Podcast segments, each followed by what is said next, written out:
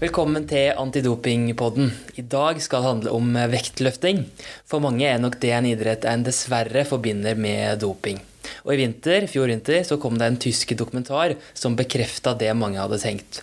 Dokumentaren hadde navnet Der Herr de Heber, vektløftingens herre, og hadde 81 år gamle Tamas Ayan fra Ungarn som hovedperson.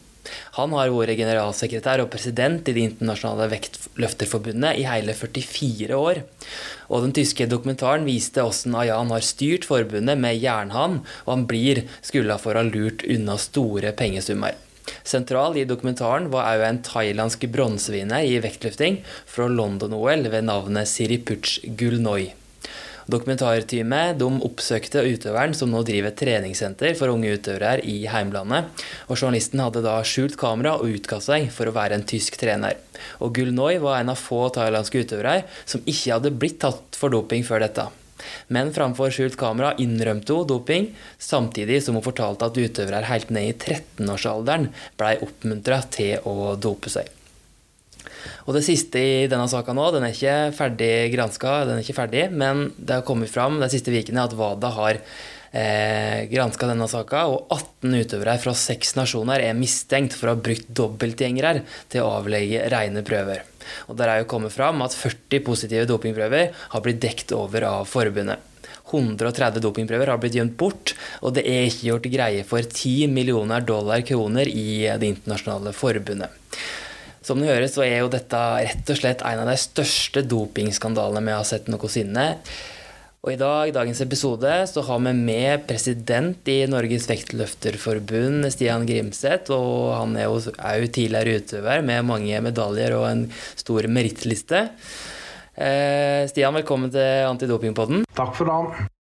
Um, vi bruker jo alltid å spørre gjester som er med i podkasten, om uh, hva er det første du tenker på når jeg sier ordet doping? Jeg må spørre deg om det. Da tenker jeg på uh, uærlige utøvere, ledere, uh, rett og slett. Og ikke minst òg i forhold til stor helserisiko, rett og slett. Så juks og bedrageri, men òg stor helserisiko. Det er det jeg forbinder med, med doping. Mange husker jo nok deg òg fra en dopingsak under OL i Sydney i 2000.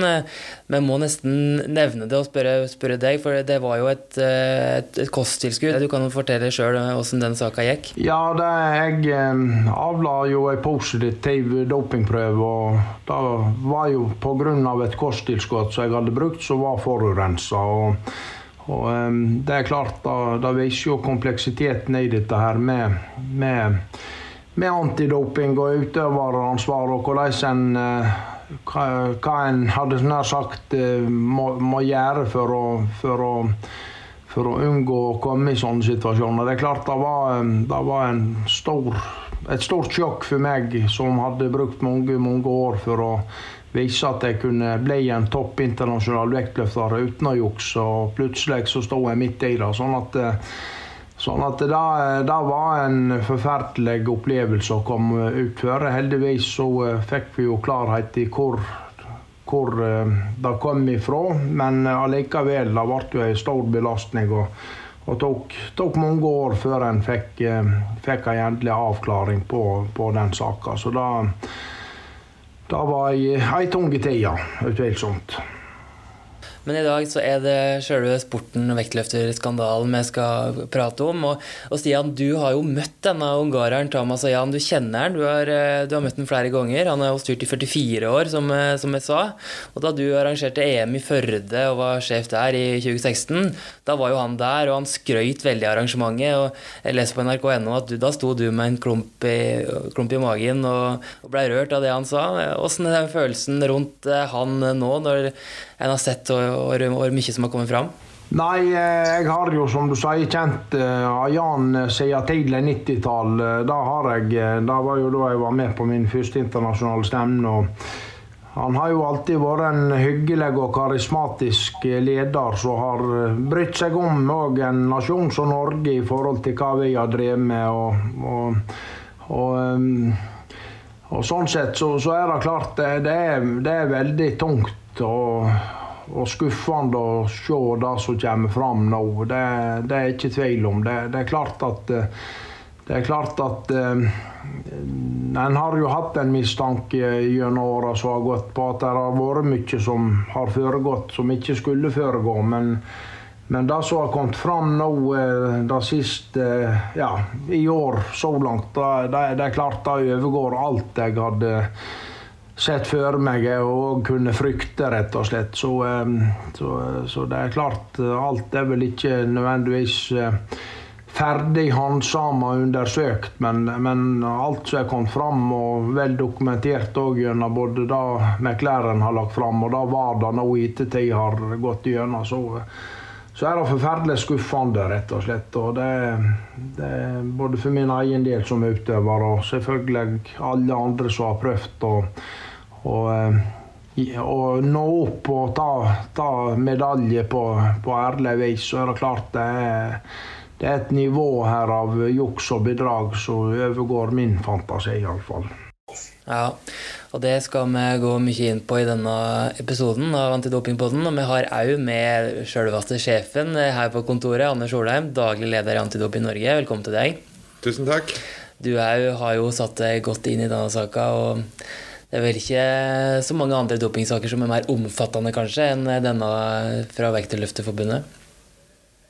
Nei, det er jo en sak som eh, jeg forstår eh, pågår enda, men som har eh, grove påstander om juks. Og det vitner jo også at dette er ikke noe som har foregått i et enkelt mesterskap, men dette er noe som har foregått over tid. Du nevnte bytte av urinprøver.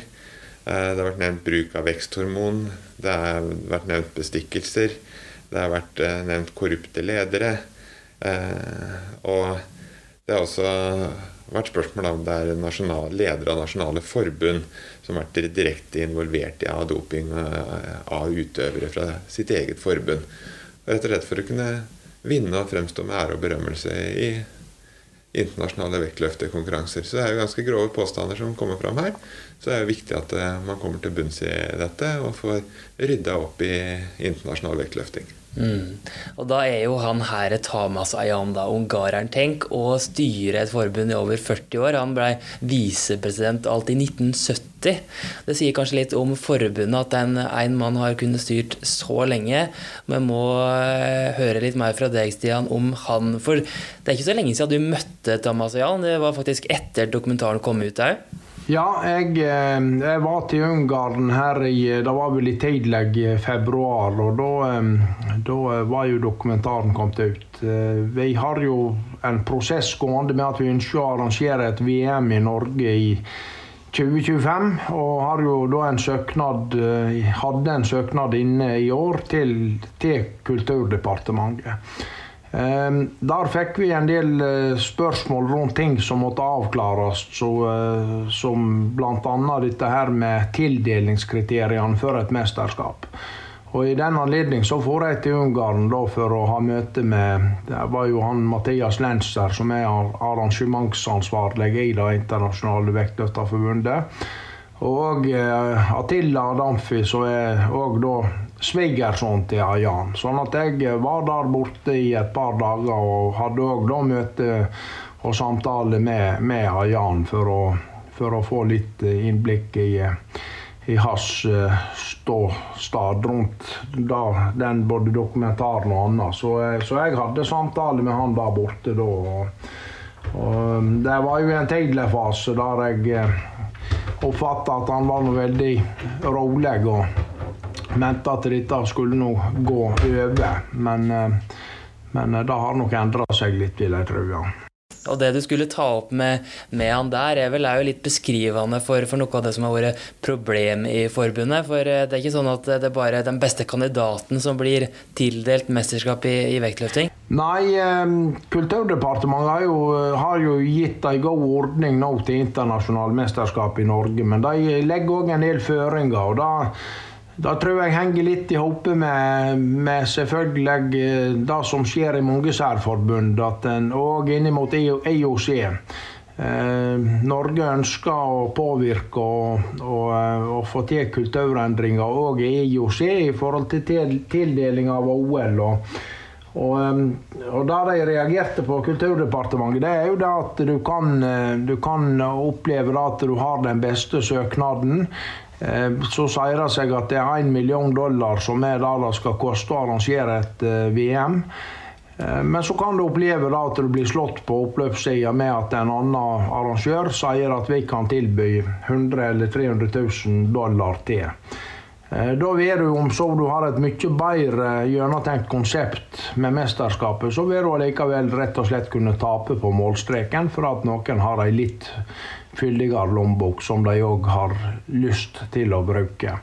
Og det er klart at da, da, syns jeg er en veldig god tilbakemelding fra Kulturdepartementet at skal en støtte et VM i Norge i vektløfting, så løyter den type ting eh, vekk. Da må det være den beste arrangøren som vinner fram, ikke den som har den største lommeboka. Det, det, dette er jo midt i kjernen egentlig av det vi ser i internasjonal vektløfting òg innenfor andre områder. At er, her, er, her har vært en ukultur i forhold til eh, økonomi og i høyeste grad doping. Og, der pengene har vært styrende for, for eh, både hvem som blir tildelt mesterskap, og, og hvem er utøvere som får, og nasjoner som får komme igjen tidlig etter, etter å ha vært tatt i doping. Og det viser jo òg at enkelte blir jo aldri tatt offisielt engang, selv om de gjerne har avlagt positiv prøve. Så, så så da, da, var jo det en tok opp i møtet i Ungarn. Og, men fikk ikke noe stor respons på det der og da. For, for de kunne jo fortelle at eh, dette var jo en viktig inntektskilde. Sånn at hvis en arrangør kunne betale litt mer, så, så var jo det penger som internasjonal vektløfting trengte for å utvikle seg og kunne ta vare på medlemslandene sine. Så så det var jo et eh, ikke veldig konkret svar, men eh, så ble det jo et presidentskifte der Jan ble satt av, og vi fikk inn Ursula fra eh, USA. Og hun tok et helt annen holdning til akkurat da. Ja, for han trakk seg Thomas og Jan trakk seg i april, så han var fortsatt president da du var der i februar. Eh, og du fikk ikke noe inntrykk at han tok den dokumentaren og det som kom fram der, så, sånn veldig tungt? Nei, eh, han var jo prega av det. Han syntes jo det var skuffende etter så mange år å ha vært med og opplevd noe sånt. Men eh, han var jo trygg på at sannheten skulle komme fram, og at det, det ville gå bra. Så, så um, han var ikke noe Han var absolutt ikke noen angrende synder. det må vel trygt kunne slå fast. Hva tenker du om det, å høre det, Anders? Men så, det var jo ganske konkret bevis eh, i både dokumentaren og det man har sett tidligere, eller seinere fra McLaren-rapporten og det WADA-seier. Det er jo en Vitner vel kanskje om en uh, kultur der uh, man er mest opptatt av å sørge for en økonomisk vekst og ytterligere promotering av sin idrett og sin idrettsgren. Eh, og det man, det man glemmer bort, er jo at dette går på bekostning av alle de som eh, trener, står på, bruker eh, ungdomsdelen av livet sitt på å gjøre det godt i idrett. Det er jo de som er taperne. De ødelegger mulighetene for de som ønsker å gjøre dette på ærlig og redelig og skikkelig vis. Til, til, på bekostning av de. Det er jo det dette her denne saken egentlig viser, eh, opplever jeg.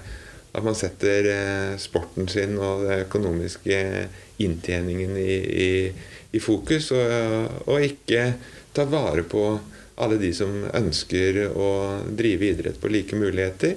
Man ødelegger rett og slett muligheten for dem. Det er jo vel noe du kan kjenne deg igjen, Stian. For du, du var jo aktiv da på starten av 90-tallet og utover 2000-tallet. Eh, og eh, du har en del historier fra den tida du var aktiv. For, for du, du, fortalte meg det tidligere denne vika, før vi, når vi snakka sammen sist, fra et, et junior-VM. Kan du fortelle den historien igjen? Ja, det var jo mitt første junior-VM. Da var jeg 20 år og var tatt ut og skulle få representere Norge, og det var selvfølgelig stort for meg. og Stevnet gikk i Bulgaria. og eh, Jeg fikk en flott sjetteplass og var jo eh, historisk bra sett i norsk sammenheng. Men jeg opplevde jo òg at på banketten om kvelden så kom han russeren da, som hadde vunnet klassen min. Han kom jo bort til meg og, og ville selge steroider da, som han hadde tatt med fra Russland til Bulgaria.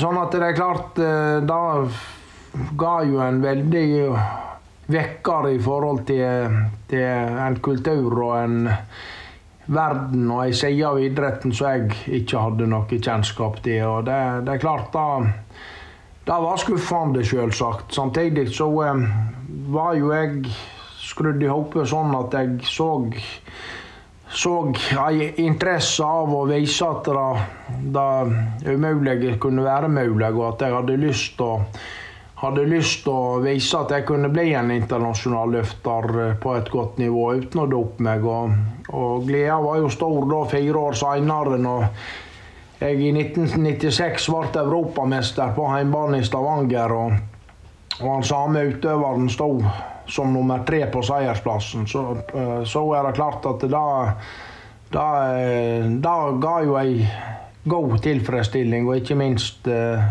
lyst og tro til å satse videre for å, for å vise at det gikk an. Men da du så Du fikk bevis på at en av konkurrentene dine dopa deg når han fortalte dette her på banketten og, og spurte deg om du ville kjøpe steroider, og så, du så at han var på gullplass og mista ikke denne plasseringa sjøl om han blei Du hadde bevis på at han dopa seg. Fikk ikke det til å liksom miste trua på systemet i idretten?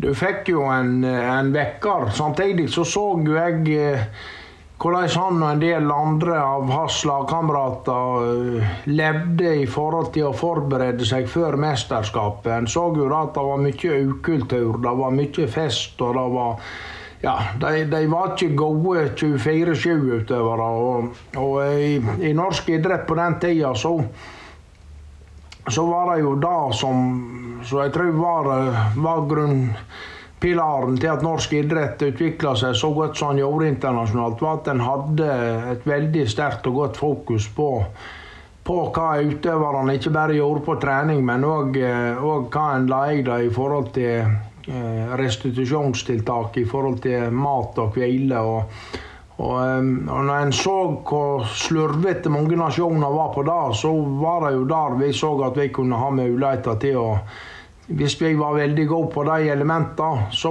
kunne vi faktisk klare å slå dem, selv om de gjerne drev med ulovlige midler. For de, de, hadde, de, hadde, en helt annen kultur i forhold til det, og seriøsitet på det som skjedde utenfor treningene. Sånn at vi, vi, hadde vel ei tro på at vi, vi, skulle klare det hvis vi, hvis vi var gode på de andre tinga. Mm.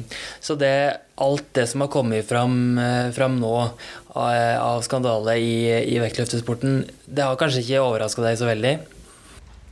Det har ikke overraska meg over at det har vært, mye, mye, doping eh, i idretten. Det, har jeg visst. Og det har vi jo sett litt på resultatene òg.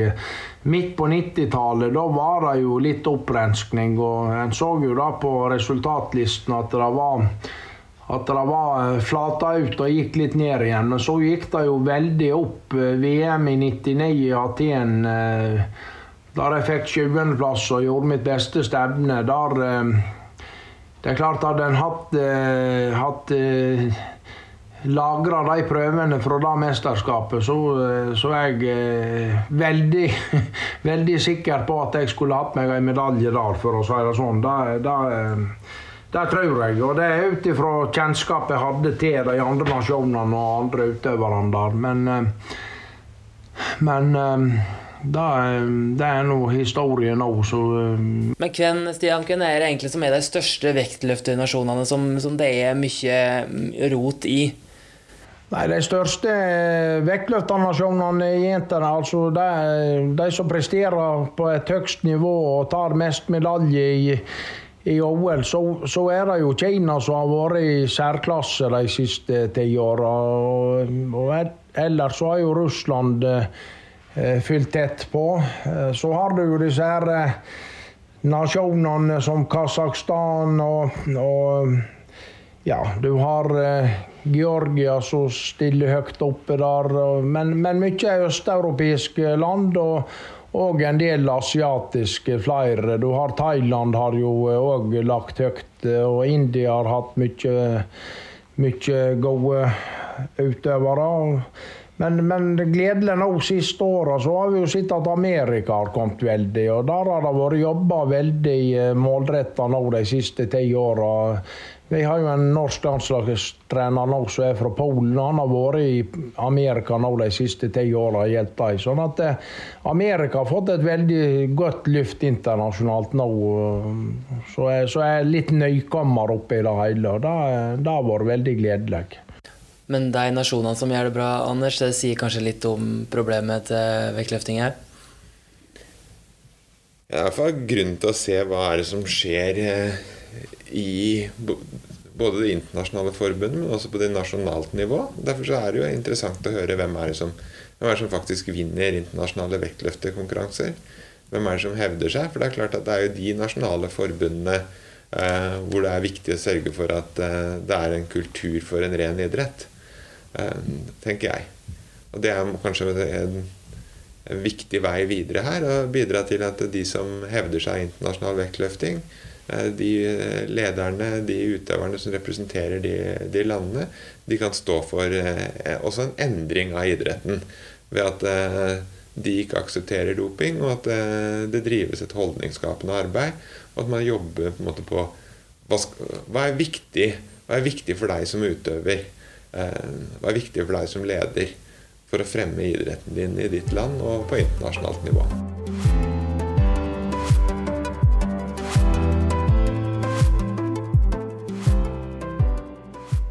Anders, eh, vi vet jo at eh, vektløfting er jo en idrett som, en idrett som vi i Antilop i Norge ser på som en risikoidrett. Altså det er en idrett der en har stor gevinst av å dope seg. Men hvorfor tror du det har blitt så ille akkurat i, i vektløfting? Det har jo sannsynligvis vokst fram en kultur over tid eh, i mange nasjonale forbund hvor det har vært en aksept for doping.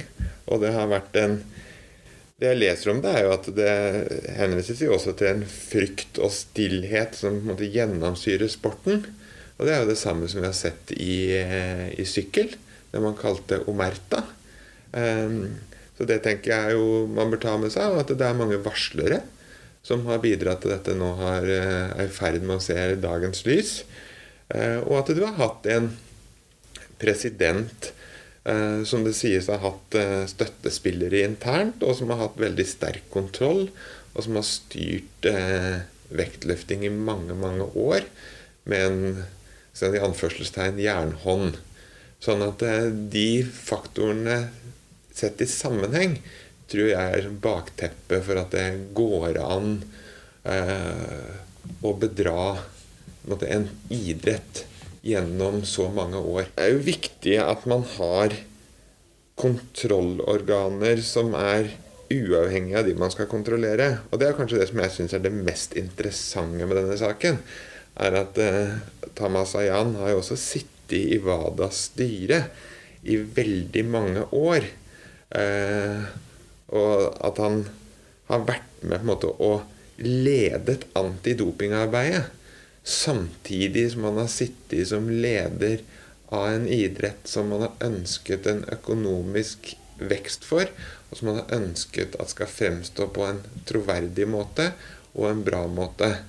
Eh, sånn at insentivene til å på en måte få ta få bukt med dopingen, eller bli kvitt dopingen, eh, fra en leder av et internasjonalt forbund som har kommet opp i denne situasjonen, kan vi, liksom ha, kan vi, kan vi egentlig ha tiltro til det? Skal vi sette ledere av internasjonale forbund som har som første og primære oppgave å drive frem idretten sin, eh, og som opplagt eh, har, kan ha andre interesser. Det er, skal vi sette de inn i styret for det internasjonale antidopingarbeidet, for å lede og kontrollere det internasjonale antidopingarbeidet, det stiller jeg spørsmål ved. Mm. Og det mener jeg er på en måte et grunnleggende spørsmål som vi ser kommer opp igjen og igjen og igjen. At det er de samme menneskene som sitter og leder antidopingarbeidet, som eh, sitter som ledere i internasjonale særforbund, som sitter som IOC-medlemmer, eller har vært oppnevnt som æresmedlemmer, eller som er involvert i sammenslutninger av sommeridrettsforbund.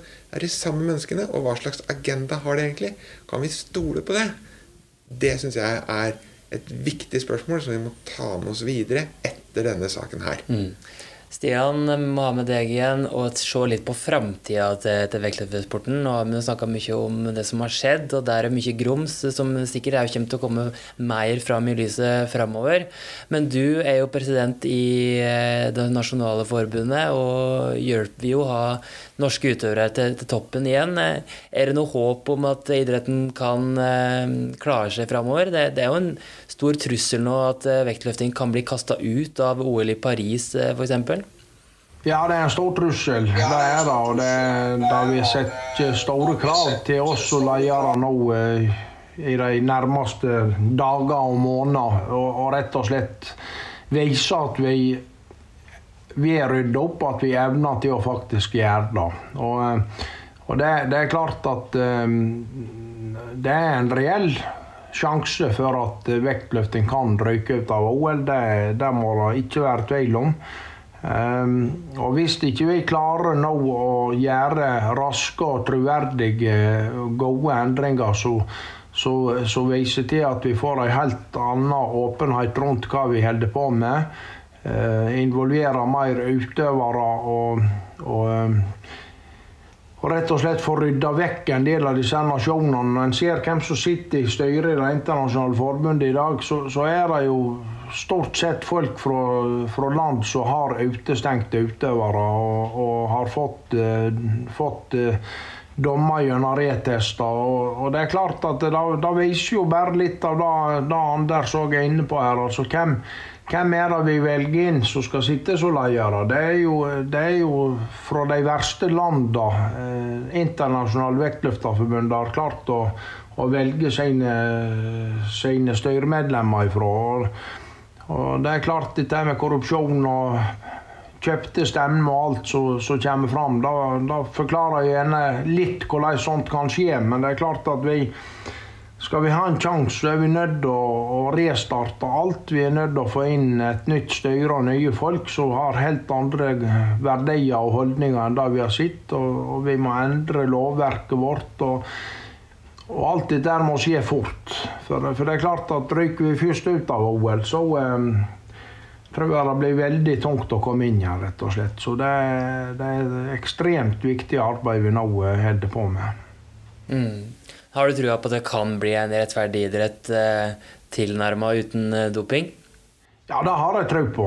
Det har jeg tro på. Eh, hvis ikke, så, eh, så kunne vi bare pakke i hopet. Men jeg har tro på det. Og, og, men samtidig så, så er det, er det et, et, stort arbeid vi har før oss.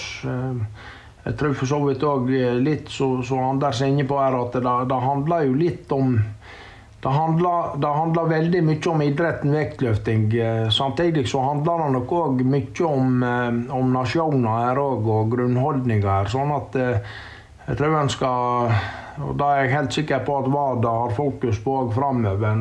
Nok jeg skal nok saumfare litt andre, andre hadde nær sagt idretter i mye av de samme nasjonene òg, for, for jeg jeg tror nok her at vi snakker, snakker, en del om både et samfunnsproblem og et generelt idrettsproblem òg, og ikke bare et reindyrka vektløfterproblem. Sånn at, sånn at det skal på ingen måte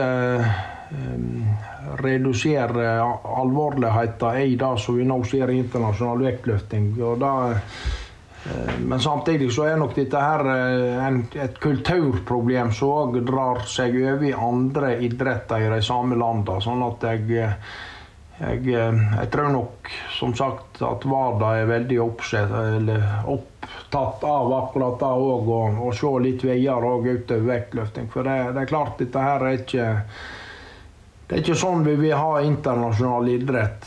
Verken vektløfting eller andre idretter. Og, og, skal idretten bestå med de grunnverdiene som vi alle ønsker den skal ha, så, så, er vi nødt til å rydde opp på brei front. Og, og klarer ikke vektløfting da som uh, idrett, så, uh, så fortjener vi heller ikke noen plass i de olympiske leker. Så da må jeg bare si at vi uh, vi, eh, vi, må, vi, må, rydde opp, og klarer ikke vi det, så, eh, så eh, har ikke vi noe i OL å gjøre. Men jeg er, jeg er optimist til at vi skal klare det.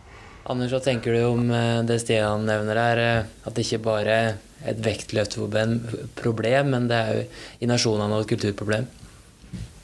Ja, det er jo Det tror jeg helt sikkert er riktig. Altså at det er, den utfordringen kan man også finne i i andre idretter. Eh, og sikkert også i mange forskjellige land også. Eh, jeg er veldig spent på hvordan dette går videre nå. Så vidt jeg skjønner det, så har hun Ursula Papandrea trukket seg.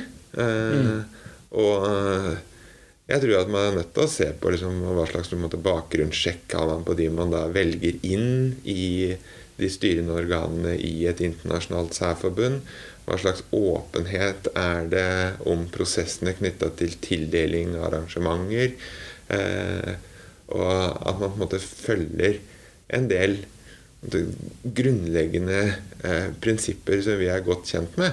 Med at ting skal være transparent. Sånn at folk kan vite hva som foregår, og vite hva som skjer. Det tror jeg er viktig bidrag på dette feltet. Eh, så man unngår en at idretten aksepterer et system som gjør at det går an å bedra de. Eh, og der tror jeg jo at eh, som, som, Stian sier, at det, det, er det noe som det internasjonale særforbundet og de som er opptatt og interessert og brenner for vektløfting, må bidra til å løfte og få orden på. Eh, og det tror jeg er, det er, selvfølgelig er det mulig. Eh, spørsmålet er jo om det er for mange som ikke vil være med på dette her.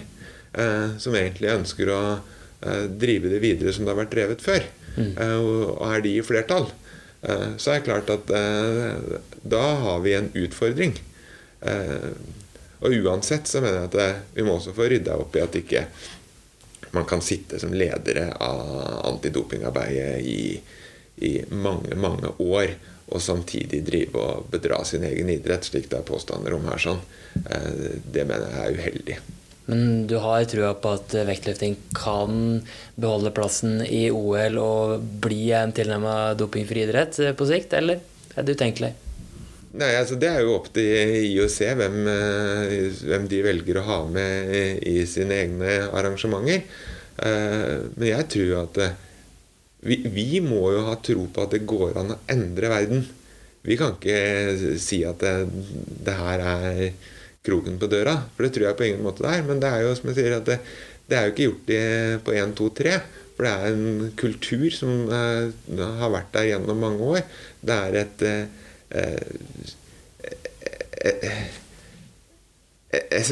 etablissement som, som har fått uh, som har fått råde grunnen i internasjonal vektløfting gjennom lang tid. Og da må man måte ikke bare bytte til, man må spørre seg hvilke verdier er det vi vil stå for. Eh, hvordan skal vi legge opp dette her sånn? Og da tror jeg måte, både det med eh, åpenhet og det med bakgrunnssjekk av alle de som man velger inn i styrer og råd, det må gjennomgås, og det må gjøres ordentlig og det må gjøres skikkelig.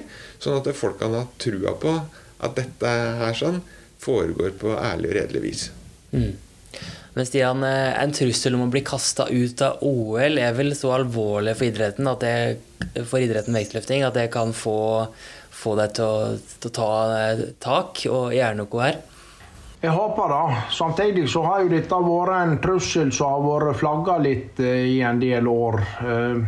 Sånn at eh, jeg tror nok en del nasjoner kanskje tror at det ikke er noe reell trussel, og det, og det skremmer meg. Eh, men som sagt, da, det har jo vært, vært diskusjoner rundt eh, vektløfting i OL, både i forhold til, til delvis 2016 og, og 20 og 24. sånn at Sånn at eh, en del nasjoner kan hende tror at dette er noe mer enn sånn litt lett trussel for å, for å få folk og, og, eller nasjoner og, og, og internasjonal vektløfting til å, til å, bli litt flinkere. Men eh, Så, så, så det, det, skremmer litt. og det, det, det er for så vidt kanskje de nasjonene som har flest personer som jobber i i vektløfting. Altså i, i, Norge så er ikke det det er ikke du seinveis med trenere og ledere som lever og har sitt leve og virke av vektløfting.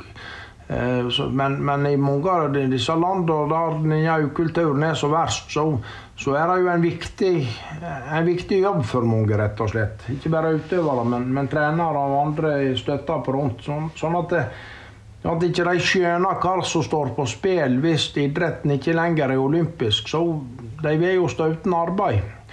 Eh, men, eh, men, det virker så at lederne i disse landene de er så opptatt av eh, makt og posisjoner at de Jeg tror ikke jeg skal si de ikke ser det, men jeg tror ikke de bryr seg. Det er rett og slett seg sjøl og sitt eget som er det viktige, og ikke idretten og utøverne. For å avslutte litt nå, Stian. Eh, hvis du, du, er jo da i toppen av norsk vektløfting eh, og har kontakt med, med unge utøvere eh, som satser mot, mot, å nå toppen helt sikkert. Klarer du på en måte å anbefale deg og råde deg til å satse fullt og helt på vektløfting når du, når du veit, og de veit òg, hvor mye doping og, og, og rot som, som er internasjonalt, som har kommet fram nå? Ja, Det jeg sier til mine utøvere, det er da at jeg eh, både håper, men òg tror at de åra vi står framfor nå, så vil det bli eh, de åra Hvis en ser det i et historisk perspektiv, så vil det bli de beste åra med tanke på å være rene utøvere med, med ærlige verdier. Eh, så jeg tror på det.